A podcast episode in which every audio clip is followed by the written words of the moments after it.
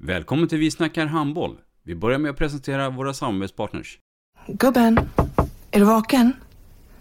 Jag, jag tror att det är idag vi får veta. Jag kom in! Mamma, jag kom in! Mamma, jag kom in! Jag kom in! Ah! Vi finns där du är när livet förändras. För alltid välkommen till Länsförsäkringar. Nej men, ska du ha t-shirt på dig? Du, det är ingen vanlig t-shirt. Det är en nya bollar till klubben t-shirt. Och så matchar den grillkryddorna vi ska använda. Hur då? Men det är ju alla ska med på klassresan grillkryddor. Stötta barn och unga. Shoppa på newbodyfamily.com. Länge leve föreningslivet!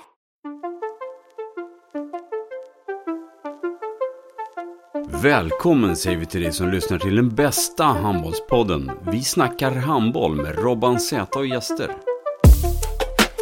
Vi snackar handboll, där du får veta alla sanningar som du inte visste att du missat. Vi snackar handboll. Idag i programmet Vi snackar handboll så ska vi prata en hel del målvakter. Vi har nämligen en före detta elitmålvakt men också numera målvaktstränare här som gäst. Mycket, mycket varmt välkommen Dan Beutler. Tack så jättemycket. Dan Christian Beutler, född 7 oktober 1977 i Hallstahammar. Vem är det? Ta oss nu från början och då menar jag från början. Åh herregud.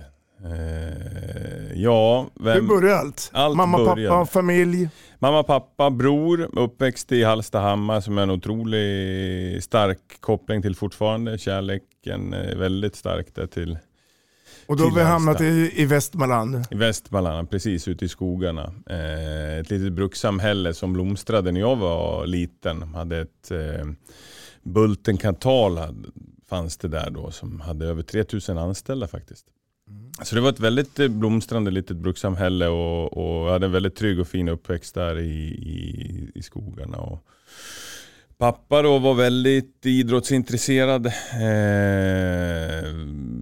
sysslade med allt, duktig fotboll, fotbollstränare då, men inte riktigt handboll. Eh, det var hockey mycket och lite bandy och pingis var det mycket. Det var den här eran när eh, Gio Wallner och de var störtade den där kinesiska muren tänkte jag säga, rev Mm. den. Och, men det var mycket idrott och eh, det var några i min klass som spelade handboll och jag, jag spelade i fotboll och, och sen spelade jag pingis på vintern.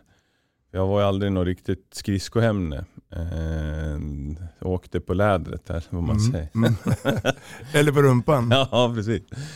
Så, så då, eh, då, då, jag var väl en, en nio år kanske när jag gjorde min första handbollsträning. Och Mm. jag var så satans dålig ute, kommer jag ihåg. Och, eh, och det fanns en plats i målet och tränarna frågade mig, kan du inte ställa dig i mål och testa? Och jag sa ja men absolut det kan jag göra. Och eh, Jag tyckte det gjorde ont kommer jag ihåg att få de här bollarna på händerna. Så jag körde med så här, fotbollsmålvaktshandskar de Mm. första två säsongerna. Men, men oj vad jag älskar att stå i mål. Så att, eh, och där blev jag kvar. Han du bli skotträdd någon gång då? Eller, eller? Det är så långt tillbaka. Jag försöker erinra mig om den det jag också har gjort under många år. Jag har fått frågan och framförallt här med min dotter och en annan tjej som är jätteduktiga målvakter men är, är lite skotträdda då just från kanten. Och jag tror att jag själv var det med just från kanten. Mm. Eh, men det är så länge sedan och man glömmer ju. Men Mm. jag tror själv att jag, jag var framförallt på kantskotten. Hur var Dan Beutler som skolelev? Jag var eh, inte lätt, ska jag villigt erkänna. Det var mycket energi och jag har gått Var igenom det det. ADHD på den tiden? Det fanns det inte. Det fanns däremot ett specialrum som jag Mm. fick sitta i och eh, kolla in i väggen och, och, och vara vid själv i mångt och mycket. Så att jag var väl, eh, jag var, nog, jag var väldigt, väldigt eh, jobbig som barn. Och, När började du känna i skolan att det började vända då? Att man blev lite mer fokuserad och lite mer här och nu? Det har jag aldrig gjort faktiskt. Eh, jag har alltid haft ett otroligt jobbigt i skolan. Även om jag klarar skolan med, och gått ut med, då hade vi ju poäng. Med tre, 3,0 Mm. och legat Det var runt. ingen betyg utan det var poäng man samlade på sig. Ja, precis. Ja. Det fanns inga A och B utan Nej. det var, då hade vi en, upp till 5,0 Mm. skalan. Och jag låg alltid där på 3,3, lite över 3,0 då, som är genomsnittligt. Men, men, eh, men jag hade alltid jobbigt i skolan. Jag kommer ihåg mina, mina eh, klasskamrater då från ettan till sexan tyckte det var oerhört jobbigt. Mm. Jag var ju på all... Även, alltså, eh, jag förutsätter att gympalektionerna tyckte det var roligt. Ja, För det var... fick jag leva ut Ja. Mm. mitt, alltid. Och, och, jo, och jag har, ju, jag har ju tre underbara barndomskamrater som jag har gått grundskola med ända upp tog studenten tillsammans med. Vi är ju väldigt, vi som limmade tillsammans. Så där har jag ju fått många olika berättelser Mm. vad jag har gjort. Och, Idag då, är, är du mer en praktiker eller en teoretiker? Idag, nej lite båda skulle Mm. jag vilja säga. Jag har ju lärt mig det där. Man lär sig på något sätt att när du är barn så lär du dig efter en tid att, att smälta in. Och det, det, det märker jag på min egen dotter som har ADHD. Att man, man anpassar sig för att inte hamna utanför. Men det, det krävs otroligt mycket energi och det kommer jag ihåg att det krävdes av mig själv. Jag fick upp båda all min energi för att inte hålla I, I mitt fall var det att peta och vara extremt störig för jag hade så mycket energi Mm. till mina klasskamrater. I Stellas fall tror jag att, jag ska inte säga för mycket prata om henne, men att man, att man, man, eh, ja, man begraver inom sig. Sen släpper man ut det när man kommer hem. Mm. Ehm, och det kommer jag ihåg att jag gjorde för att överhuvudtaget ha några vänner att umgås med. Så det var, sen, sen ju äldre jag blev, ju bättre blev det tycker jag. Jag, fick, jag var ständigt aktiv i idrott. Jag fick utlopp för det hela tiden. Jag var aktiv i flera olika idrotter hela tiden. Sen blev det gymnasiet.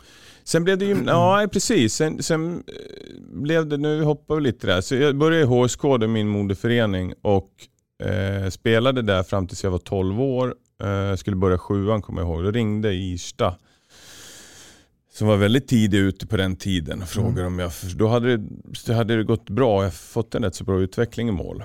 Och då hade de ett jätteduktigt 77-lag där inne. 77, ja, 77, 78. Hade du koll på det? Eller blev du överraskad då när, när de hörde av sig? Ja, det, ja, jag blev nog överraskad. Eh, men eh, jag hade spelat bra, kommer jag ihåg, mot dem just. Och, och de hade väl ingen riktig första målvakt. Så då blev jag faktiskt värvad in dit. Och där tog det fart lite så. Eh, vi hade ett duktigt lag och, och kom långt. Vi vann aldrig någonting men vi var duktiga. Nivån var ju ett steg högre och på den tiden var Irsta HF då som de mötte. Mm. Det var ju en elitförening. Både väldigt duktiga på dam och herrsidan. Mm. Så det var ju Stämmer vä- väldigt stort för mig att dra på mig den här Irsta HF-dräkten.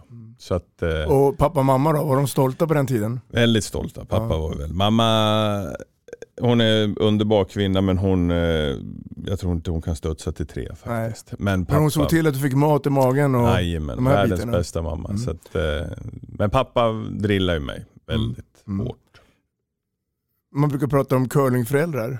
ja. Ha- Hade, hade du sådana? Nej, det hade Nej. jag inte. Jo, men nu ska jag inte ljuga. Min mamma var nog det. Men min far, han, eh, han var väldigt hård herre och Ja. drillade mig nog oerhört. Från att, Va, vad händer då eh, när du sen tar studenten och du lämnar gymnasietiden och går Mm. in kanske lite mer då vuxenlivet? Hur, hur gick tankarna här? rent handbollsmässigt. Ja, och privat. Privat, ja, men då, då stod man, då visste man inte riktigt. Jag hade ju fått en utveckling i Irsta där. Jag, var, jag hade en annan duktig målvakt som jag tampades med i, i ungdomsåren som hette Johan Holmberg tror jag han hette. Otroligt duktig. Han var 76 och jag var 77. Ja. Vi slogs om den här platsen. Johan var alltid något snäpp bättre än vad jag var. Det var många gånger man kände fan jag kommer aldrig kunna peta den här killen. Så var vi iväg på en turnering jag tror att det var hans sista år som junior och mitt, mitt andra år. Och då spelade vi en turnering i, i Tumba, en elitförening. Och då blev jag vald som bästa målvakt före han. Och då kände jag, fan jag kan ju faktiskt bli i alla fall lika bra. Eh, jag tänkte nog inte bättre, men lika bra som Johan. Och sen tedde det sig så att Ystad åkte ut i elitserien och hamnade i allsvenskan och gjorde en eh, omkonstruktion i klubben. Hade inte de ekonomiska medlen och satsade på ungdomar. Då fick jag och Johan chansen. Så då blev vi etta, tvåa i, i, i allsvenskan. Då på den tiden, Mm. hade man då målvaktstränare? Eller fick du själv agera målvaktstränare? Nej, vi-? Nej det själv? fanns inte utan jag hade ju lite Klas där också. Han Mm. tog ju sig an mig när jag var väldigt ung och såg någonting i mig som jag eh, inte förstår än idag vad det var. Men jag var ju väldigt ung då. Jag kan ha varit 13-14 år. Liksom, Mm. Max. Mm. Eh, Så han hjälpte mig lite och sen hade jag en, en tränare, A-lagstränare som hette Ramon Laurén som var, som, som var eh, gammal målvakt Mm. I juniorerna. Som var väldigt duktig och hjälpte mig. Peter Kant. Så jag har haft en otrolig tur. Jag har haft målvaktstränare som mina A-lagstränare. Mm. Det är väldigt få förunnat att ha det. Mm. Mycket. Så, att, så att jag hade hela tiden hjälp kommer jag ihåg. Du vill med- gärna hylla dem här och nu då? Ja, ja Tackar. verkligen. Ja, ja, herregud. Och jag har haft det hela, he, hela min karriär nästan, utom, ja, inte i Bundesliga då, men, Nej.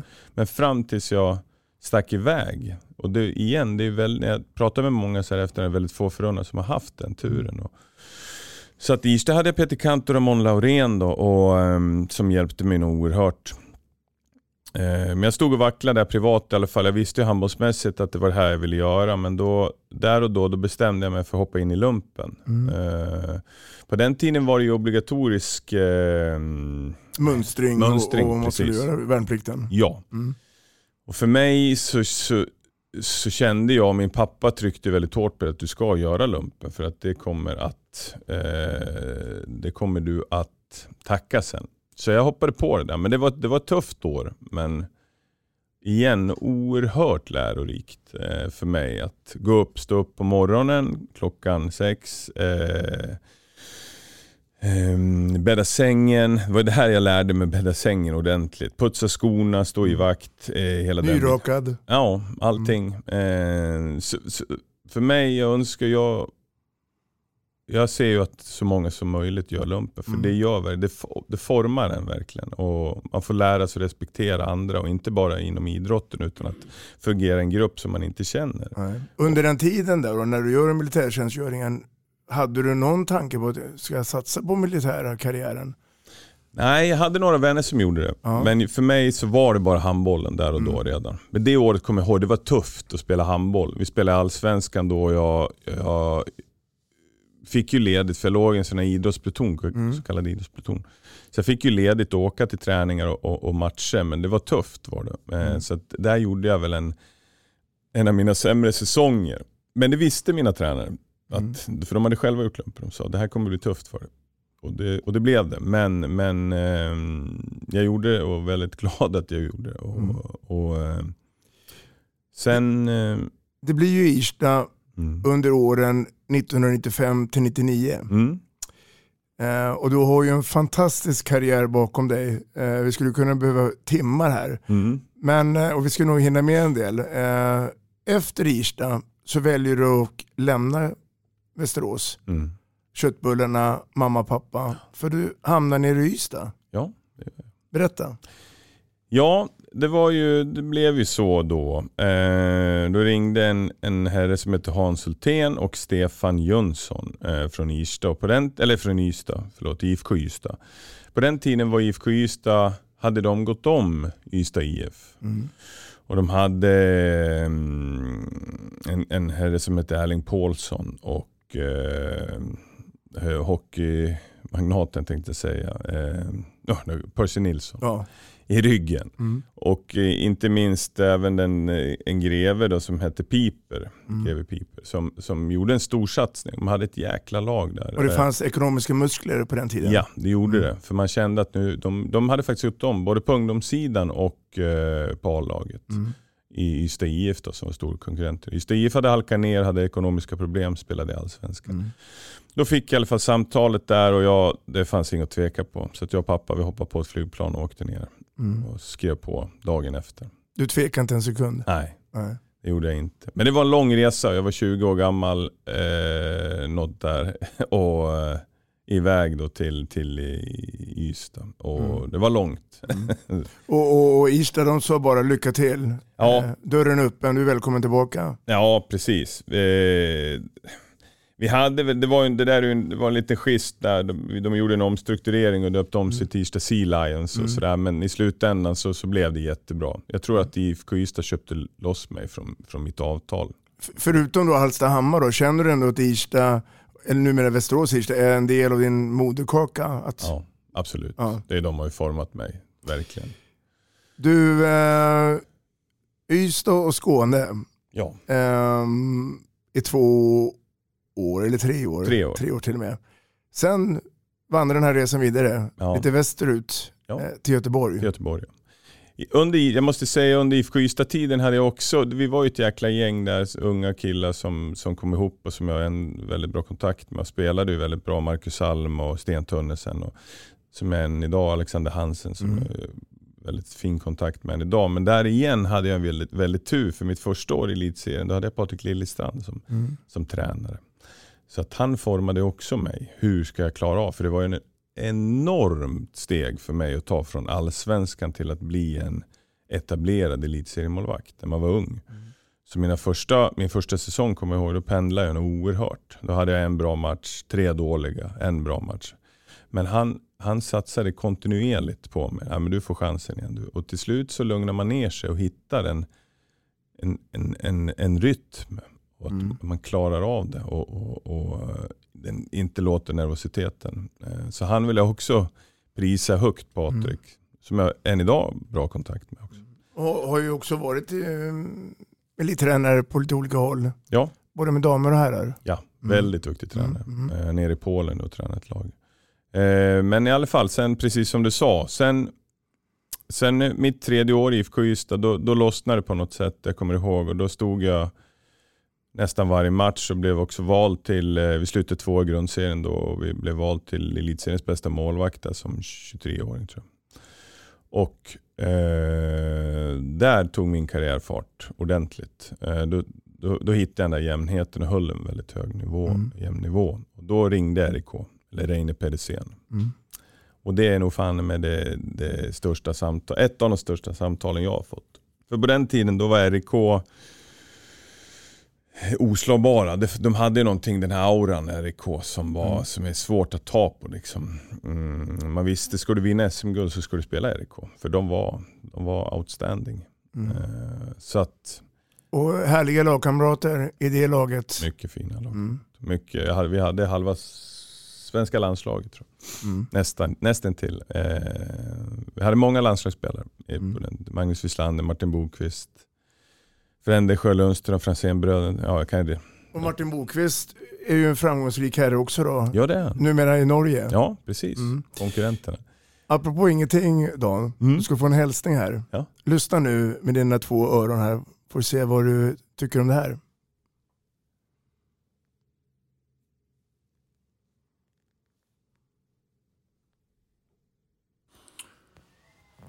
Hej Dan! Kul att du är med i podden. Det är Bokvist här. Eh, jag har alltid undrat, och du har ju själv pratat om eh, det relativa kaos som ibland kunde råda vid sidan av plan, men att du alltid lyckades ha sånt fokus på plan. Eh, hade du någon medveten strategi eller var det bara så? Hej på dig! Mm. ja, du skrattar du. Eh, jag tror vi kommer det lite grann. Mm. Eh, för det, det finns ju en koppling med det han säger till den här härliga resan som du har gjort. Då. Mm. Men, men berätta lite mer om, om Martin Bokvist. Martin, va- Martin är ju den här lillgamla herren som är, ja Martin Bokvist, vad ska jag säga om han? Det var ju den ultimata spelaren när jag växte upp eh, i ungdomsåren. Han var så dominant som man kan bli. Jag har aldrig sett någon mer dominerande, så dominant ungdomsspelare. Han var lika stor då när han spelade HP Varta som han är idag. Mm. Och eh, de hade ju ett de hade ju det här laget, det magiska laget, Varta 77 som Mm. var oslagbara. Vann och vann och vann. Ja, allting. Och Mm. du vet, det, räckte med att du såg Martin på, i samma tid. Då visste du att det här, nu, nu är det kört. Liksom.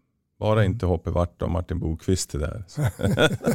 och, så har han alltid varit Martin. Han har varit lillgammal och väldigt snäll och härlig lagkamrat. Och tar mycket, har alltid tagit mycket ansvar. Och Mm. väldigt, men i motsatsen till mig, väldigt eh, koll på saker och väldigt lugn och saklig. Och, Upplever du att han är fortfarande lugn och samlad idag? ja men det gör jag. Mm. Det gör jag verkligen. Sen är det ju en, eh, väldigt tråkigt det som har skett mellan eh, detta, den här historien här som, som har tagit. Mellan eh, Martin och, och Glenn? Där. Ja, mm. Glenn högaktar ju en oerhört så, att, så det där, där, den, den är svår. Men igen, jag, jag tycker Martin, vilken otrolig resa han har gjort. Liksom. Eh, och som och spela tillsammans med han, kommer jag ihåg, det var ju många avgörande faktorer just mm. med att spela i RIK. Det var ju Martin var ju där och Wislander, men de var, det var inte bara det utan det var den här auran som fanns. Mm. Och det, det märkte jag första gången jag gick in i, det märkte man före också, men, men när jag gick in upp i eh, Lumbs, nej inte Lumbs, vad heter det, eh, uppe här i eh, uppe vid Munkenbäck. De har ju sin hall, ja, jag har glömt bort. Rosen... Eh... Rosendal? Nej, ja, ja hall. Det stämmer det. det, stämmer det. Ja. Vilken, eh, den här vinnarkulturen som fanns där mm. i alla fall. Mm. Men hemmamatchen då spelar man ju i Lisebergshallen. Eh, och nu är man ute i Kviberg. Har du, har du koll på RIK idag? Någonting? För det går lite knackigt i högsta ligan. Ja men det är klart jag har. Nu är jag involverad i, i, eh, i många elitserielag så jag har ju koll på dem. Men, men, men det RIK som fanns när jag var där, eller det här som man pratar om än idag, det är ju, det finns inte längre. Utan den här kulturen och den vinnar, vinnarkulturen, det, det har ju försvunnit. Och det, jag vet för lite där, men uh, jag kan ju säga när Ola, Ola Lie och framförallt Reine Pedersen, när de, när de tog bort där, då, då dog det. Mm. För de var, de låg bakom, de var hjärtat. Otroligt handbollskunniga herrar. Och, det är ju det är få gånger man står i vakt när någon kommer in, men när, när, när Ola och framförallt Reine, eller när Reine skulle jag säga, men framförallt Ola Lie kom in i ett omklädningsrum, då stod man. Mm. Och det gjorde alla. Då var man tillbaka i lumpentiden. Ja, mm. så var det. Jag har fått den utskällningen, eller vi har fått den utskällningen av Ola Lie som jag aldrig glömmer. Men vi spelade oavgjort tror jag mot Drott hemma. Och, och han kom in och skrek och sa hur jävla dåliga vi var. Och sen så sa avslutaren, ni kan dra åt helvete. Och det kan jag också. Sen gick han. Höll du med om att ni, att ni var dåliga då? Ja. ja. Han, tog alltid, han la inte allting på laget utan han tog till sig själv också. För mm. att han, men han, det sista han sa att det var mitt, jag var lika jävla dålig jag. Liksom. Mm. Dels att komma in och skälla på er här men just taktiken. För det var han och Ola som la upp, eller Reine som la upp taktiken inför matcher och, och styrde det. Håller den ledarskapen idag tror du att skälla? Nu är du själv tränare och ledare? Ja, men jag tror ett visst mått måste man, måste man få veta om man är urdålig. Att då behöver man få veta hur jäkla dålig man är för att höja sig. Man kan inte bara den här jam, jamsa med kulturen. Jag, jag har ju svårt, jag är ju född i den gamla skolan så mm. jag har ju fått mycket av det där. Men eh, det är klart att vissa delar av det var inte bra. Men, men, men, men en delar av det var det. Så att vi hade incidenter i Flensburg, nu är jag långt fram i tiden, men när styrelsen alltid kom in i halvlek och skällde på oss. Det var inte bra. Mm. Så att det finns, inför alla? Inför alla. Mm. Och, och punktmarkerade dagen. Fy fan vad dålig du är. Liksom. Mm. Varför betalar vi dig de här pengarna? Det var ju inte bra. Nej. Då, då, men att ta en hel grupp, det, det ser jag bara som en sunt. Mm. Och inte hänga ut individer. Mm. Så att, ja. Det är ju så här då, Dan, att du lämnar då RUK och nu, mm. nu händer det mycket här mm. i, i, karriären. Du eh, får ju hjälpa mig och alla lyssnare. Du ska börja prata tyska. Du mm. kommer hamna och prata lite arabiska. Ja. Du ska ner i Skåneland igen. Eh, och nu pratar vi en epok eh, från 2003 till, om vi nu stannar upp till 2015, för du mm. avslutade där i Lemgo, och sen kommer tillbaka till Sverige. Ja. Men om den här tiden där mellan 2003 och 2015, för där händer det mycket. Ja, det gör det. Eh, nej, men det, var ett, det var ju det svåraste beslutet, ett av de svåraste jag tagit eh, i min karriär, det var ju att lämna RIK. Jag mm. trivdes ju oerhört och liksom den här vinnarkulturen. Jag trivdes framförallt i Göteborg. Och jag fick ju många förslag det året också, eller kontraktsförslag då. Och vi sa det, jag och pappa pratade länge om vilket är det vi skulle kunna tänka oss att ta. Eller vilket vill du? Då sa jag, med Flensburg och Magdeburg, det är mina drömföreningar. Skulle man få ett där så, så, så vill jag tacka ja. Och då ringde Flensburg. Mm. Och, och då Då, blev, då, då ställde jag sig inför den här situationen och då, då kände fan nu eller aldrig. Och då, då hoppade jag på. Men det var ett svårt beslut. Jag kände väl egentligen att jag kanske inte riktigt, jag var 24 då tror jag, var inte riktigt mogen. Jag hade gärna velat ha ett år till men då, då sa Flensburg, kommer du inte nu då kommer vi ta någon annan. Jag var, det här var ju, de hade gjort klart och tydligt, du ska vara andra målvakt. Vi har, de hade en av Tysklands bästa målvakter genom faktiskt alla tider, Jan Holpert. Eh, mm. där. Och du ska slussas in då. Men tar inte du det här då kommer vi att hitta, ta en annan. Vi har några andra då. Eh, du hade inte så lång tid att, tänka till där? Nej, eller? precis. Nej. Utan det, det, är ju det är en strategi de hade. Mm. Men, men jag är övertygad om att de hade tagit någon annan. Mm. För alla var väldigt många som ville. Ja, de hade väl inget val i så fall? Nej, inget val precis. Nej. Och, och, eh, och eh, vem vill inte spela för Flensburg? Mm. Eh, för det, det, är ju så här också, uh, i den här perioden um, så figurerar lite grann också i det blågula landslaget.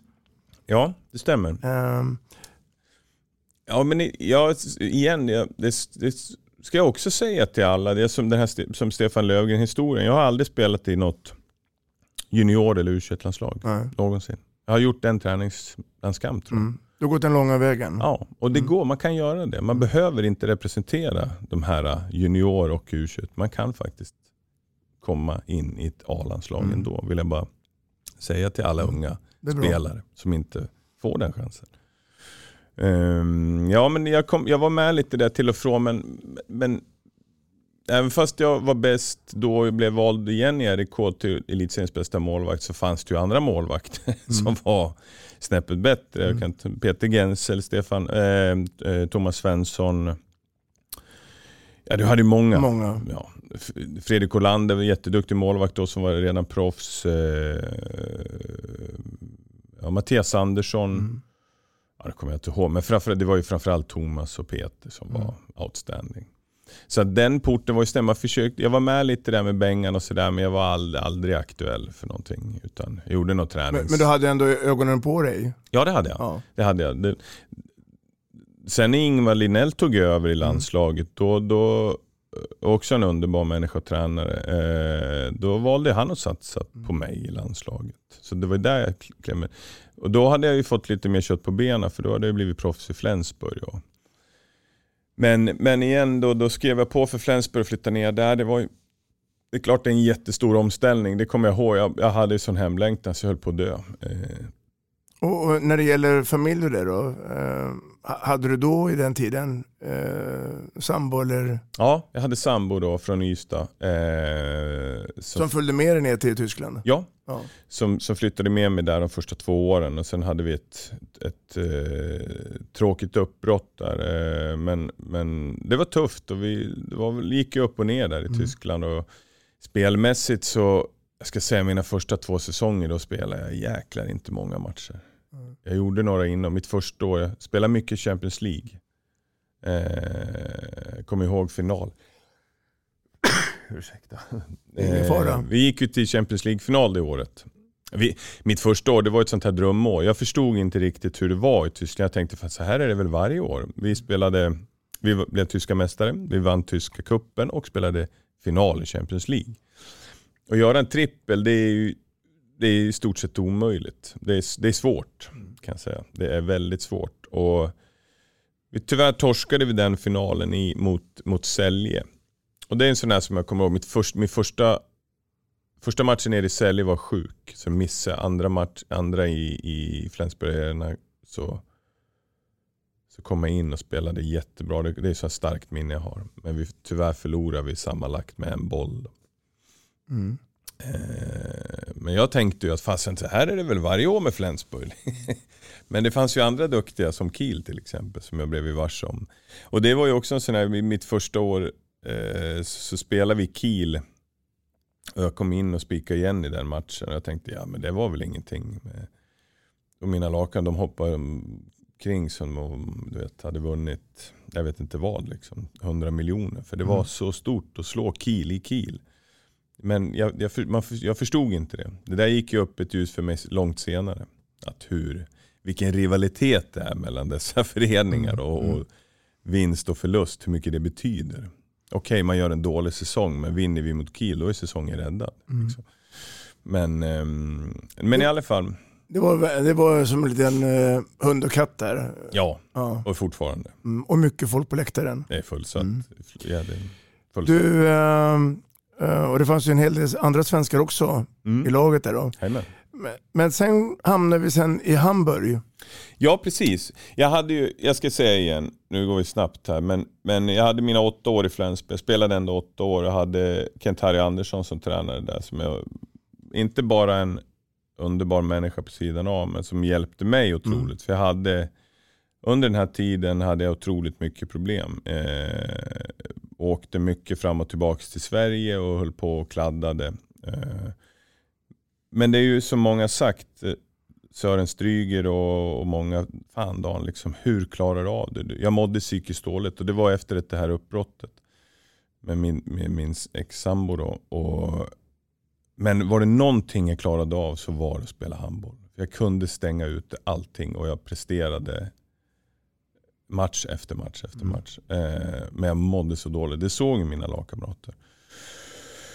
Ehm, men svar till Martins, det, jag har alltid haft ett, ett kaos runt mig. Men i hamn, nu har det blivit mycket bättre Mm. eh, sen jag fick min diagnos. Men, men, eh, men jag har alltid klarat av att hyperfokusera. Det, det finns något som heter hyperfokus. Som man, Och samtidigt måste du ha haft folk omkring dig då, som ändå ställer upp för dig. oerhört. Förutom mamma och pappa. Utan, Oerhört, oerhört med spelare runt omkring. Och...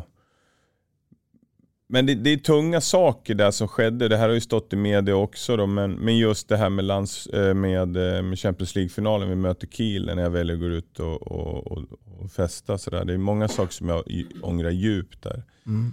Och då var jag bärande och, och vi spelar Champions League-final och väljer tre dagar innan och gå ut och festa och missat dag, träningen dagen innan match, eh, Champions League-final. Men var det du som tog initiativet för att gå ut och, och festa eller var det så att ni var ett gäng som gick ut? Och, och... Nej, det, var nog, det var jag som tog. Jag åkte till, hem till, eh, till Sverige och gick ut. Och, för jag mådde så dåligt psykiskt. Eh, men Om vi ser det som Ja. en lärdom då och, och, och råda till sådana som kanske sitter i en sån eh, ficka just nu. Eller, mm, vad skulle du vilja säga till dem? För att det, är, det är numera historia men kan man, man kan ju ändå prata om det idag. Absolut. Och jag gör det mer än gärna. Men, men eh, för, mig, för mig var det en lugnande medicin tänkte jag. Med, just med ADHD då, som jag ser tillbaka till med, med alkohol. Men det, vad det gör det är bara fördärva. Så det är absolut inte. Utan ta, mitt råd idag, ta, ut, ta hjälp. Sträck ut en hand. Mm. Och, och till dem som är nära och våga berätta faktiskt hur du mår. För det gjorde inte jag. Utan jag, jag stängde allting inom mig. Men, jag, men jag, jag tog utlopp av det. Och Skäms man då eller blir man rädd? Eller hur? Ja, det fanns inte den, jag tror jag var rädd att öppna mig. Mm. Eh, Flensburg var jättefina och ordnade men man, man kallar mig en idrottspsykolog. Men, jag, men istället för att öppna mig faktiskt berätta hur jag mådde, hur trasig jag var inombords, så, så satt jag och ljög för den här psykologen. Eh, och, eh, för att jag var så, jag skämdes mycket. Ehm, så att, och det var väl det, det är den här lite idrottskulturen, man ska liksom inte visa tänkte jag då, hur man mår istället för att och hålla det inom sig. Och, Men förstod du senare då att psykologen kunde genomskåda dig då, och eh, ja. eh, eh, och framförallt mina lagkamrater som, jag, som har stöttat mig allt de, i Flensburg-tiden. Det, de, eh, det var, jag fick så oerhört mycket hjälp. Och, och, framförallt av Glenn Solberg som Mm. tog sig an. Sen flyttade han hem där, då försvann en bit. Christian Berger flyttade hem, försvann en bit. Jobbo flyttade. Det var många där som, som verkligen tog, tog hand om mig liksom, under den här tiden jag mådde dåligt. Som jag vågade öppna mig för. Men när spelare man öppnar sig för försvinner och så till slut så slöt jag mig själv fullständigt. Liksom, och, och tog ut det på andra sätt. Då. Eh, framförallt ja, i alkohol. Men eh, det gick i alla fall till en två år senare eh, då missade jag en, en, ett lagfoto eh, med Flensburg som är väldigt viktigt att man är med på. Och då tog Lars Christiansen mig till sidan och sa Dan nu, vi ser hur dåligt du mår men det här kan inte fortsätta. Vi, vi orkar inte ha dig i laget. Utan du, det, det, tar för mycket på oss att se dels hur du mår men också vad vad det skapar i vårt lag. Vi var ett vinnande lag, ett av Mm. världens bästa lag. Och när han sa de orden till mig, då sa jag okej Dan, nu, nu, är det, nu, är det, nu är det slut. Mm. Och från den dagen där då, då, då, då slutade jag med och, och, och tog mig an och bli lite, verkligen och träna och liksom. Och, och slutade med allt det. Så det vände det den tiden. Sen fick jag, året efter där fick jag eh, anbud från eh, Hamburg. Mm. Och då hade, då, under den här tiden träffade jag min hustru också som blev min räddning. Mycket har varit under alla dessa år faktiskt. Ett räddningsplank. Eh, Jag var fortfarande inte diagnostiserad. Hon märkte också fasen det är någonting som är, det, är inte, det stämmer inte. Liksom. Eh, Men vi valde, då fick jag ett kontrakt från Hamburg som hade gått om Flensburg. Är Också Eh, publikmässigt en större stad, eh, ekonomiska muskler. Flensburg hade backat lite. Jag, jag gjorde ett svårt beslut. Jobbe hade kommit tillbaka och blivit tränare. Och jag, de hade lagt fram ett femårsavtal. Och så skriv på det här och avsluta din karriär. Men, men vi, vi kände, jag var trött på att spela lite då. Flensburg behövde nya utmaningar. Och min hustru såg gärna att vi hittade någonting annat. Då. Blev hon någon form av din mentor där och, och, och rådde vad du skulle göra? Eller hade du någon annan agent? Eller? Nej, jag hade ju Åke Unge som agent, Ja. men, men jag, jag har alltid vetat själv, jag har alltid varit väl, är det någonting som jag varit klar över så är det handbollen. Mm. Vad jag vill göra, vad jag behöver göra, de stegen jag behövde ta. Där har jag aldrig behövt någon riktigt, någon mentorskap. Utan det var min far som, som hjälpte mig en del, men jag har alltid velat själv och varit klar och beslutsam i det. Både när det gäller IFK Ystad, RIK eller vilka lag den var. Och I det här fallet så kände jag, jag, jag, jag har inte den drivkraften i Flensburg. Jag hade tappat motivationen lite. Det hade blivit lite slentriant. då. Så jag känner jag måste, jag måste göra någonting annat. Och spela inför ett fullsatt eh, Color Line Arena då. Eh, det, Wow. Ja, det var, det var en sån här wow-grej. Och mitt första år då, jag tror vi snittade närmare 12 000 per match. Mm. Och det var sånt hype kring det. Så att varje gång att gå ut i den arenan, det var ju som att gå ut till en rockkonsert. Så att det, det, var, en, det var en häftigt. Eh, vi hade ju ett drömlag i, i, i Hamburg men vi fick ju inte riktigt ihop det lagmässigt. Gick det för fort tror du att bygga organisationen med facit i handen? Ja det tror jag. Mm. Det tror jag. Det, det tog... Det, de hade väl en långsiktig plan men det, jag tror det slog lite slint där när, när, när de vann ju tysk, de blev tyska mästare Mm. det året innan jag kom då. Och det tog så en jäkla skruv och de värvade nog oerhört. Liksom. Men det är inte bara att värva stjärnspelare utan man ska få ihop den här gruppen också. Och det var inte heller lätt. Och jag gick ju tillsammans med Per Kalén då och, och Oskar Kalén till Hamburg.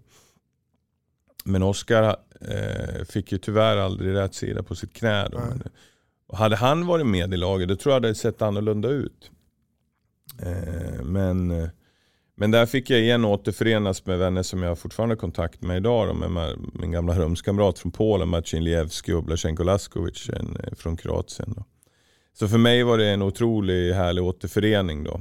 Och de här två åren var underbara. Men tyvärr var det så, tedde det sig så att precis innan vi skulle flytta från, från Flensburg till Hamburg och göra den här nystarten, då blev min dotter sjuk. Eh, Vi visste inte vad det var och gick dras- drastiskt ner i vikt och fick en sån här man kallar för ballongmage. Då, och var väldigt, väldigt dålig däran och åkte in till, sjukhuset. Och, eh, eh, visade sig att hon har lång diabetes och är är nära faktiskt att dö. Mm. Så vi låg inne på intensiven i närmare tre veckor där. Och det var precis innan vi skulle göra den här flytten till, till Hamburg. Så att, vi, kom, vi kom till Hamburg i en väldigt skakig period. Min, min hustru Nina, världens underbaraste, eh, var gravid med vårt andra barn och vår äldsta dotter Stella har fått eh, diagnosen diabetes och var dagar från att faktiskt dö. Så att vi kom i väldigt skakigt skick där. Och, så det var väl inte den bästa starten. Men det, första säsongen gick det väldigt bra ändå i mål. För mig andra säsongen då, då gick det inte längre. Nej. Nina orkade inte driva det där hemma med diabetes och, och gick tyvärr in i väggen. Då, brändes ut fullständigt. Och, så att, så att det, var, det var tufft. Det var jättetufft. Och där då tog vi det aktiva beslutet att vi nu, nu drar vi. Eh, Nu åker vi hem. I, så att, Hamburg var otroligt fina i det skedet och sa okej, okay, det, du, du, det är klart att vi släpper det från ditt kontrakt. Åk Mm. hem. Liksom. Och innan det hann jag faktiskt dra ner då en vända till, till Qatar. Ja. ja. Och fick ett jättefint anbud därifrån. Jag tänkte, ja vad fasen, jag kan väl testa en, spela den några månader. Där och då i Qatar, då, då var det en väldigt hype, precis som det var inför fotbolls-VM. Då, var det, ju- då byggde man upp inför hemma-VM. Och jag spelade två sådana här turneringar, då, en Prince Cup och Emir Cup. heter den. Och, och spelade för ett jäkla härligt lag. eh, Många egyptiska landslagsspelare. Så att, igen, det var en sån här beslut som jag tar, men Nina stod ju bakom det 100%. Men jag, det är ju kanske inte en normal människa hade gjort. Då, utan man hade, Nej. Så du, åkte ner ensam och Nina var kvar Ja. hemma då? Mm. i två månader och körde där. Men det är också någonting som jag verkligen inte ångrar utan jag har fått otroligt härliga vänner genom den resan och lärt känna ja, den arabiska världen och, och dess kultur och eh, framförallt underbara spelare från Egypten och Tunisien som jag spelade samman med. Som jag än idag har kontakt med också. Så det, det är jag jätteglad för. Ja, Jag säger det, du har en fantastisk eh, ryggsäck Ja. med eh, händelser. Och jag blir påminn he- varenda gång jag hör det nu, det Martin eh, var inne på, Mm. eh, Bokvist då, om det här kaoset. Och så Ja.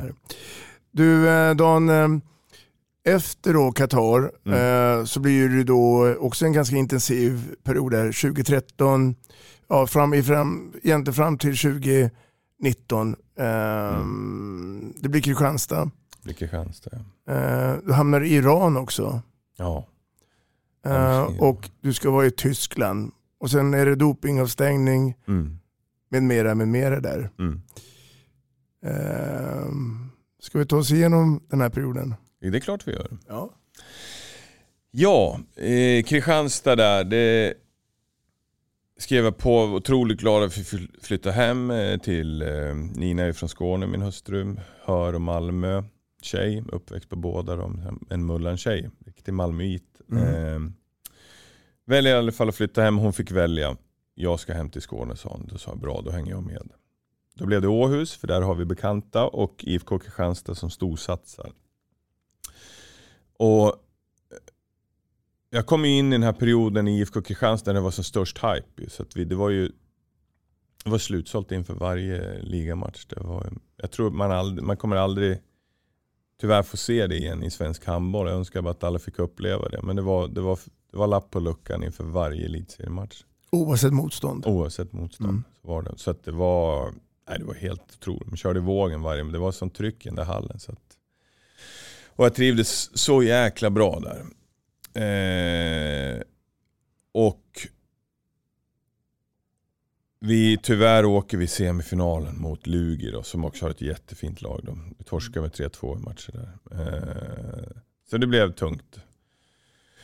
Sen på sommaren där, då får jag ett anbud från eh, att spela en turnering i, eh, från ett med, med asiatiska mästerskapen som spelades i Qatar då, i en, en veckas tid, då, tio dagar. Mm. Och väljer ta det beslutet. Nina frågar om jag kommer ihåg det, men du har tagit och clearat det här med Kristianstad. Så ja, det har jag gjort. Vilket jag inte hade. Åkte ner, tog det beslutet, betalade ekonomiskt bra och gick då bakom ryggen på Kristianstad. Nu gällde det tio dagar så jag tänkte det, det, de borde väl kunna släppa mig ändå. Mm. Och det är ju ett sånt där beslut som jag ångrar ytterligare. Det här, jag hade första inför Champions League och sen det här är ett sånt här beslut som jag ångrar otroligt mycket. Eh, Men jag tog det beslutet igen, mycket rörigt, åkte ner, skrev på. Sen när turneringen när det var dags där, då, då visade det sig, då hade vi Europacupmatch mot Hamburg, en Mm. returmatch. Då kunde inte IFK släppa mig. Försökte deala där fram och tillbaks men och igen då, då tog jag det aktiva valet att, att okej, men då får jag stå vid mitt ord här och mot, mot att åka ner till eh, och spela den här turneringen då. Och hoppas att IFK tar tillbaka mig när jag kommer hem. Men där var ju de väldigt ståndfasta. Framförallt en sportchef då, som hette Mats Samuelsson som, som inte ville det. Så här i efterhand så gjorde jag ju generalfel liksom, och allt, all skuld ligger på mig. Men man hade ju hoppats att Mats hade kunnat, liksom, för det skapade så mycket skit i efterdyningarna där. Mm. Och de hade, fick det ju rätt så jobbigt med. Men, Och massa svarta rubriker också då? Ja, precis. Men igen, jag, jag, jag, jag skyller inte på någon nu. Den enda jag skyller på är mig själv. Så att, så att eh, det jag tog då, det var tufft var det. Den perioden när jag kom hem där efteråt, när jag hade svikit IFK. Och, och jag kommer ihåg när det kom ut i media. Eller när Mats sa det på presskonferensen, vi spelade mot Ystad borta, precis, eller hemma, precis fått pris som matchens lirare. Och jag ser bara att mediedrev komma springande mot mig.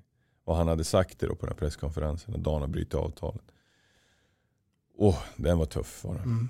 Och sen att leva i Kristianstad eller leva i Åhus då med det här. Det var, det Träffa var, folk på stan och det då?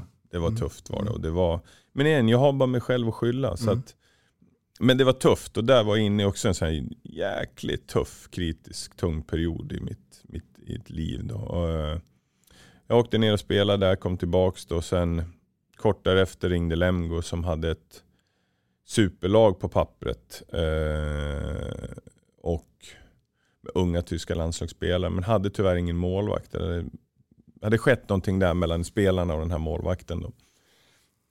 Och de, de låg sist. Och det man ska veta om Lemgo det är ju ett av Tysklands mest anrika föreningar som aldrig åkt ur.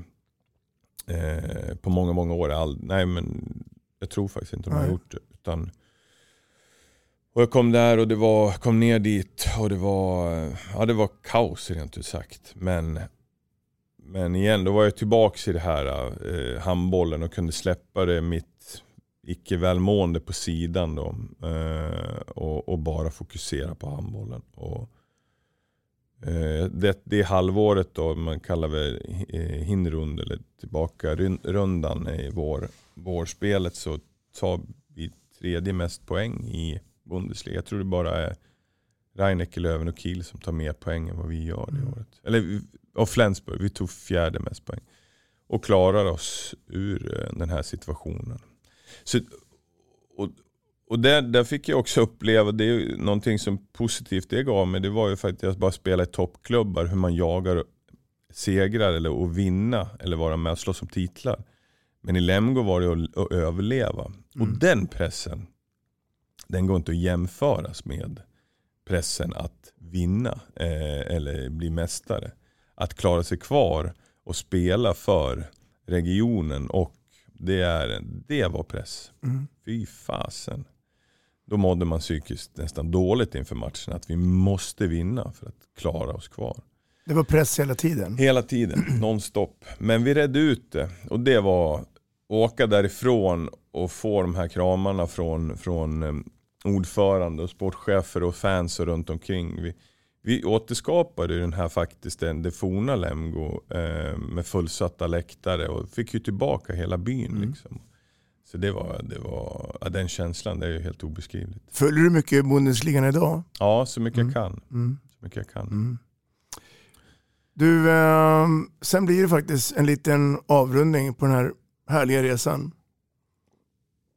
Och det är HK Malmö. Det är HK Malmö, precis. Känner du här att nu, nu vill jag runda av och vara på svensk mark? Mm. Eller såg du det att, tänk om jag ska åka iväg igen när du var i Malmö ut igen? Eller kände du att nu är jag på väg att runda av? Nej, nu var, där var jag nog på väg att runda av det. Och det var många år som jag kände att ah, fasen, ja, nu, nu är det nog sista året. Och... Men jag hade alltid en dröm och en vision om att det är en, jag måste hitta drivkraft. Jag har alltid haft en drivkraft, en enorm att spela handboll. Men mitt mål då det var att bli vald till elitseriens bästa målvakt som den äldsta spelare, målvakten någonsin. Och, och faktiskt be- motbevisa att trots ålder så kan du vara bäst. Men ålder är bara en siffra. Precis. Och, det, och jag ville motbevisa alla de här som säger men du är för gammal. Varför spelar du fortfarande för? Och den, den, den, den fick jag den titeln när vi spelade SM-final 2018. Eh, men där var det, när jag hade fått det, då, då var det som att dra ut proppen. Uff, Kändes det bara, nu orkar jag inte mer. Och då hade jag ett år kvar på kontraktet i Malmö. Jag kände, fy fan, jag, det, jag orkar inte mobilisera en säsong till. In i den här säsongen så eh, ringer GOG och frågar mig, kan du inte? Och det här, igen, så, så, privat struligt, mycket struligt med mig i den här tiden. Eh, det har varit mycket upp och ner, berg och dalbana. Min hustru ifrågasätter mycket vad det som händer. Liksom i, handbollen har jag alltid kunnat utföra till punkt och pricka. Eh, då ringer GOG i alla fall. Mm. Och Nina säger ta det, åk iväg och spela. För jag vet ju hon återberättar för mig, i hennes värld var det bättre att ha mig borta och bara spela handboll än att vara hemma. Eh, och jag skriver på det avtalet. Eh, de köper ut mig, allt är klart från Malmö. Men inför kvartsfinal mot Sävehof det året, jag tror andra matchen, eventuellt tre, nej andra, först andra matchen, så blir jag dopingtestad. Och när jag går in i det där rummet då, eh, då folk har frågat mig vad kände du om du hade blivit, eller vad kände du inför att gå in? Men så, när jag gick in i det rummet, det räddade mitt liv. faktiskt. Jag hade inte suttit här idag om jag inte hade, för det, då höll det på att eskalera.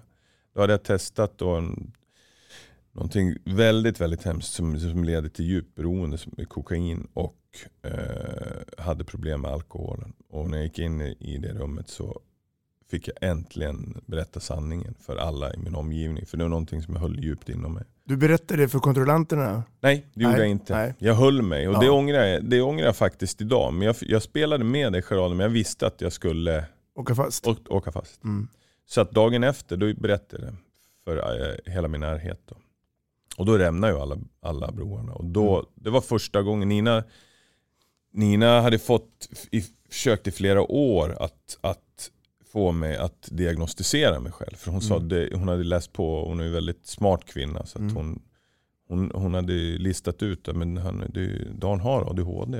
Och, men jag, istället för att faktiskt gå in i djupet till mig själv och kolla vad är det, vad, vad är det som orsakar den här enorma kaosen runt omkring mig. eh, och, och få hjälp så, så när hundra personer stod och pekade mot mig och alltid varit så att fasen Dan det är någonting som är, inte står rätt till. Vad är det för något? Då stod jag alltid och pekade tillbaka och sa det är ni som har fel. Det är ni, som har problem, det är jag som, är, som har rätt. Men där och då, då, då, eh, då, då vände mitt liv Mm. fullständigt. Då fick jag hjälp, eller jag, jag var, framförallt ska jag säga jag var villig att, att ta hjälp och, och öppna upp mig. Men när du fick beskedet från eh, dopingkontrollanterna då, Mm. eh, kom det vid ett telefonsamtal eller kom det som ett brev på posten? Då var jag redan klar att det skulle komma. Jag hade inte vågat berätta för Stian, vilket jag ångrar än, eh, också än idag faktiskt att jag inte gjorde. Men eh, jag, jag, vi hade så fullt upp med, med, eh, med diagnostisering. Jag hade redan påbörjat en, eh, en utvärdering om min diagnos. Då. Eh, men då ringde Stian till mig och sa, jag har aldrig hört han så arg faktiskt. Och Sa Dan, eh, jag var på väg in till träningen, sa Dan du kan vända, och hem. Mm. Du är tagen för doping.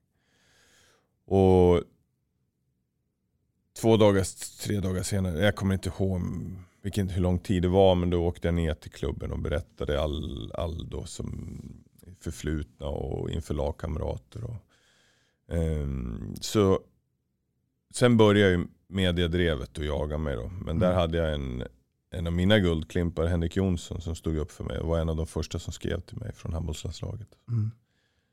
Eh, Det är också sån här som jag aldrig glömmer att jag, vad du än vill eller vad du än behöver så är jag där och och stöttar och tar. Mm. Och Henke hjälpte mig mycket i det och höll borta mediadrevet och, och sådär. Men jag visste att det en dag skulle komma ut. Mm. Så att, men under den här tiden diagnostiserade jag, den blev ju solklar direkt, ADHD. Och, eh, ehm, sen så kom det ut och då var det, då var det tufft. Mm. Då, då kan jag säga, då, om det var tufft innan att gå ut genom dörrarna i, ehm, där vi bodde. Eller, jag tror oavsett var man bor någonstans så blev det ännu tuffare. Men det som, tärde, det som, som jag blir ledsen än idag att tänka på, det var att hur det gick ut på våra barn. Mm. Mitt agerande och mina, mina val, hur, hur mina barn och hur föräldrar aktivt tog, tog avstånd, inte bara från oss men från, från våra barn, att de inte fick leka med och, andra barn. Med andra barn. Mm. Och den, den, den har jag svårt att hantera faktiskt än idag. Idag då, känner du ändå att folk vågar prata med dig om de här händelserna? Eller, eller är det fortfarande så att man pratar om Don Beutler istället för att prata med Don Beutler? Jag känner nog mer, precis som du benämner, jag känner faktiskt om. Men, eh, om de, man pratar hellre om med än med. Men jag är väldigt öppen med det som mm. har skett. Och jag gömmer väldigt. ingenting. Eh, jag, jag, har alltid känt den och det, den fick jag. Jag gjorde ett stort reportage tillsammans med Johan Flink som har hjälpt mig oerhört också i detta med hur, hur ska vi förmedla detta? Mm. Och vi skrev, gjorde ett stort reportage i Aftonbladet där min hustru Nina var med. Och, och, och det var väldigt många som rådde mig till att men gå inte ut i media, säg ingenting, lägg locket på. Men jag kände, ska jag, ska jag lägga locket på ytterligare en gång och gömma mig bakom någonting, då kommer jag, det enda det som kommer generera är att det kommer, så fort jag ser människor vända sina blickar mot mig kommer jag tro att de pratar om mig och detta. Mm. Nej, jag går ut. Och det är en, en av de största befrielser som jag har gjort. Att mm. gå ut och faktiskt berätta hur, hur, hur eh, situationen var. Och, om vi ska prata om någonting som du är, vill jag påstå fortfarande, men framförallt har varit, så är du en bra målvakt. Ja. Den här lilla pojken från Hallstahammar fram till att du lämnar då, då Malmö 2020. Mm. Är det samma målvakt eller har du förändrat mycket? Jag tänker på målvaktsstilen. För jag ser framför mig den här attackmålvakten mm. med de här härliga räddningarna som ingen begriper hur det funkar. Om du skulle sammanfatta bara den utvecklingen, mm. från att du lämnar Hallstahammar till att du sätter punkt i HK Malmö? Mm. Nej, men jag har förändrats genom åren, men jag har alltid varit en extrem attackmålvakt. Eh, jag fick... Eh, jag blev skolad i Thomas Svensson, framförallt Claes Hellgren-eran, eh, där attack är bästa försvar. Och vi, men, men, men det gick inte hela tiden, så jag har hela tiden fått omskola mig. Men jag har haft turen att spela med målvakter från, från, från ex-Jugoslavien. Så jag har kunnat blanda och i även en tyska, Jan Holpert då, eh, i Tyskland som har haft en annorlunda stil. Så jag har mixat lite.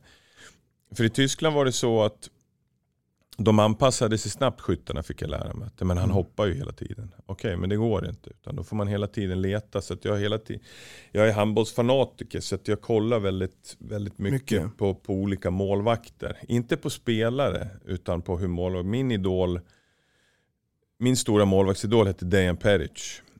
En, tycker jag, en av de absolut bästa målvakterna genom alla tider. Stod i Barcelona, Veszprem och kommer från, från uh, han är serb. Då. Spelade Sälj i många år. Uh, hur en liten målvakt kan vara bäst i världen. Vad gör han för någonting? Mm. Hur jobbar han? Kantavslut och sådär. Så jag, jag har hela tiden anpassat mig. Och, och alltid haft det mottot att motståndaren aldrig ska veta vad jag gör. Vad gör då? Nej, jag vet inte vad fan, varför backar han för? Eller varför? Så har jag alltid haft mm. och, och, jobbat och tänkt. Så att, nej, från den målvakten jag var i Allsvenskan i Irsta till den jag avslutade, den, den, den är nog väldigt stor skillnad på. Du har fått med fall en positiv sjukdom, målvaktssjukan. Ja, ja. den är härlig. Du, eh, jag tänkte du skulle få en eh, hälsning här för att eh, lyfta dina axlar och huvud och eh, se ljuset framför dig. Lyssna här nu. Hej Dan, det här var Claes Hellgren. Jag lärde känna dig som 16-åring och såg den enorma potential som målvakt. Utav alla de målvakterna som, som man har träffat på genom alla tider så är det en av de som har haft mest karisma och haft en sån otrolig utstrålning. Och jag har blivit så glad när man har sett dig spela. Om man tittar på din karriär så blev den ju ofta lite i skuggan av de som, som var så otroligt bra i Sverige. Du hade lite otur då. För hade du inte kommit vid den här tidpunkten och var född som du var så hade du definitivt stått i massor med fler landskamper. För mig är du inte bara en bra målvakt. Jag känner ju dig lite privat och jag vet nästan ingen snällare person och en sån trevlig människa som, som jag har träffat. Och så många gånger vi har suttit hemma hos mig och pratat. Och nu kommer du ha en väldigt fin karriär som målvaktstränare. Och jag ser att du brinner. Jag hoppas att du lyckas Dan. Det ska bli väldigt roligt att se vad du kan göra med din erfarenhet mot andra målvakter. Ha det så gott. Hej då. Mm. Vad säger man? Ja. Nej, men jag blir jätterörd Claes. Jag känner ju Claes som han säger så långt innan och jag blir jättedjupt rörd av de orden. Och det har ju, precis det han säger och det har jag fått av många andra. Jag ska inte sitta här och vara självgod men det har ju räddat mig mycket tror jag för att man är en, en glad och positiv människa och att man är, bemöter andra med respekt. Och jag tror ingen har sträckt ut handen och hjälpt mig under alla det så med allt den här kaosen om jag hade varit ett svin. Så, att, mm. så jag tror, jag har alltid haft det mått och vara glad och bemöta andra med respekt och, och, och, och, och mm, passion så blir du själv bemött tillbaka. Mm. Väldigt. Så att, men det är otroligt vackert och jag blir otroligt glad. Det är samma Klas idag som det var när du träffade honom i Västerås-tiden. Ja, Klas för mig, det är ju min mentor. Det är som jag säger till alla. Det, Klasse, han är ju, det finns ju ingen människa som brinner mer för handbollen än vad Klas gör. Och målvakterna. Och jag kan säga om han, om han säger att jag är positiv, och då, då, då, då har jag aldrig mött någon som är positivare än Klas. Så att, jag, jag, är nog beredd att instämma. Ja. Han nämner ju på slutet, numera målvaktstränare är du. Ja. Och eh, ett nytt kapitel nu ska vi coacha målvakter ja. istället för att ha blivit coachad. Mm. Uh, och idag jobbar du grann för elitklubbar och du har ju mm. uppdrag mot Svenska Handbollförbundet. Ja. Och sen är du med med eh, din dotter i Åhus. Mm. Känns vardagen bra nu då? Vardagen är jättebra. Eh, men som vanligt så tar jag väl på mig för mycket, egentligen mer än vad jag klarar. Men, men eh, vardagen är ju oerhört mitt liv är ju förändrat. Jag är inte samma men de sista fyra åren är ju, eller tre åren är ju väldigt förändrat för mig. Och har ett helt annat inre lugn och jag känner ju när min karriär elitkarriär var över så, så vill jag ge någonting tillbaka. Så jag brinner ju inte lika mycket som Claes, men det tror jag ingen kan göra. Men, men jag brinner ju oerhört för målvakterna. Och jag eh, älskar målvaktstränaryrket. Mm. Och eh, hoppas att du tror att jag kan bidra med lite erfarenhet och tricks och tips till, till de målvakter som jag har. Är det svårt någonstans att, sätta in sig i den rollen? Att, uh, nu ska jag, nu ska jag uh, lära ut. Eller känner du att det är ganska enkelt och det handlar mycket om kommunikation? Ja, precis. Jag tycker faktiskt att det, det, det har tätt sig faktiskt lätt för mig. Eh, jag har lätt att kommunicera med människor eh, och ta människor, eh, vilket har jag turen att ha, kunna göra. Eh, det jag däremot tyckte, på seniornivå ska jag säga, mm. det, det jag däremot tyckte var jättesvårt det var att eh, på ungdomsnivå. För där, hade jag, där har jag glömt, eller hade glömt, hur, mm. hur, hur tar jag mig an en, en tioårig kille eller tjej? Hur ska jag lära ut? seniornivå, det, det vet jag exakt och hade ett kartotek av, av, av övningar och, och idéer. Och, men, men ungdomar, den, där stod jag handfallen. Så jag valde att gå en kurs med, inom Svenska handbollsförbundet med, med eh, Jan Ekman och eh, Foppa, Thomas mm. Forsberg. Och det, det, höj, det hjälpte mig oerhört. Och det är en av de bästa utbildningar jag gått på. Mm. Eh, och de öppnade nästan, inte, inte alla dörrar, men nästan alla dörrar. Hur jag ska agera och jobba som, som målvaktstränare för ungdomar. Så, mm. att, så den var otroligt lärorik och väldigt tacksam att, för deras hjälp. Och, och så så, så där, där, där känner jag ett helt annat lugn idag än vad jag gjorde. Eh, seniornivå har jag alltid vetat och jag tränade många unga målvakter under mig redan när jag spelade i Malmö som eh, Robin Haug och, och Christian Säveås mm. som numera är norska landslaget. Och, eh, Johan Sjöström i, i Flensburg som, som jag stod med. Och så där. så, så jag kände redan tidigt att den här rollen passar mig bra.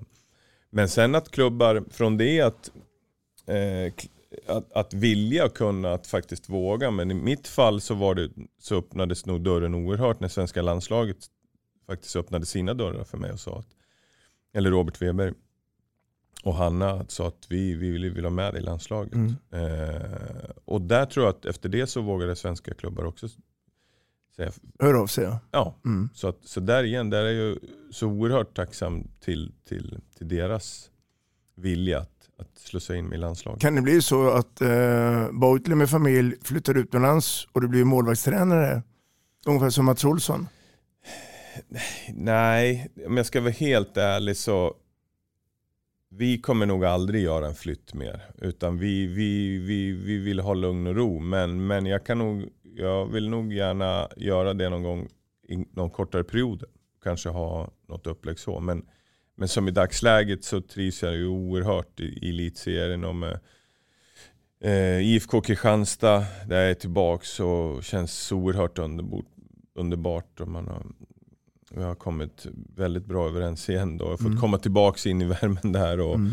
eh, jobbar även med Hallby, Önnered damer och herrar som jag älskar att jobba med. Det är oerhört fina föreningar. Och framförallt Önnered eh, ska jag säga också med, med, med, med ungdomarna och, och, och, och tjejerna. Damsidan. Mm. Damsidan är ju nog oerhört, jag måste säga igen. Det är någonting som jag inte hade erfarenhet av heller, det är ju damer. Men, men att jobba med damer, det är ju, det är ju otroligt härligt. Och vilken vilja de har. Alltså, och, vilken, och, och suga åt sig den här eh, kunskapen. Det är som en Och- svamp. Ja, det är helt otroligt. Mm. För mig, det är, jag älskar att Mm. jobba. Och man, man får sån otrolig utveckling. Kort och Dan, om, eh, om ett par veckor, Mm. nu när vi har gjort den här podden med dig, Ja. så är det VM på hemmaplan. Ja. Herrar. Mm. Vad har vi för eh, möjligheter till att ta ett nytt VM-guld? Vad tror du? Ska inte lägga för stor press på Glenn som är nära vän till mig och Thomas Svensson. Men, men det är klart att vi har jättestora möjligheter att, ta, att, att, att nå långt. Nu, har, nu är Äpplet tillbaka igen tillsammans med tycker jag de bildar ett av eh, världens absolut bästa målvaktspar. Bakom har vi Thulin och Fabian. Vi har många Mm. duktiga målvakter men Thulin har också gjort en karriär här i höst i GOG. Och, så det är klart, får vi vara skadefria, får Jim vara skadefri, Jonathan och killarna, alla andra, jag kan rabbla alla namn, alla är lika viktiga, men Mm. får vi vara skadefria så har vi ett av världens absolut bästa lag. Och Därmed goda chanser. hemmabana, Mm. man är ju van att ha killarna är ju vana att ha press på Mm. sig i utomlands och prestera bra i sina klubblag. Du har en, en, en landslagsledning som är liksom av yppersta topp. Glenn, eh, svårt att hitta varmare och finare människa än Glenn. Mm. Eh, och Micke där bak, en liten professor har man hittat där. Eh, som tror jag är klippt och skuren för assisterande, till, eller de två tillsammans. Thomas Svensson, målvaktstränare, ja, är världens bästa målvaktstränare. Så att, Om, igen, om, inte Sverige skulle vinna, ja, om inte Sverige vinner ett VM-guld då, vilka vinner då tror du? Danmark är ju, de ser jag ju som väldigt stort hot. De, de ploppar ju fram talang efter talang. Hur de gör det i det där lilla landet, det är för mig en gåta. Liksom. Men, men, men de är ju farliga. Och Frankrike, Mm. där, där ser jag ju två stora hot. Då. Men de är slagbara. Vi får se. Vi får se. Dan Beutler, nu är det så att tiden har kommit ikapp oss. Det har varit en stor ära att ha haft det här och eh, jag hoppas att det är ömsesidigt eh, och kul att få höra din härliga berättelse, Mm. både med eh, motgång och framgång. Lycka till nu framöver med eh, dina utmaningar. Tusen tack, det har varit underbart att få vara här. Tack så mycket.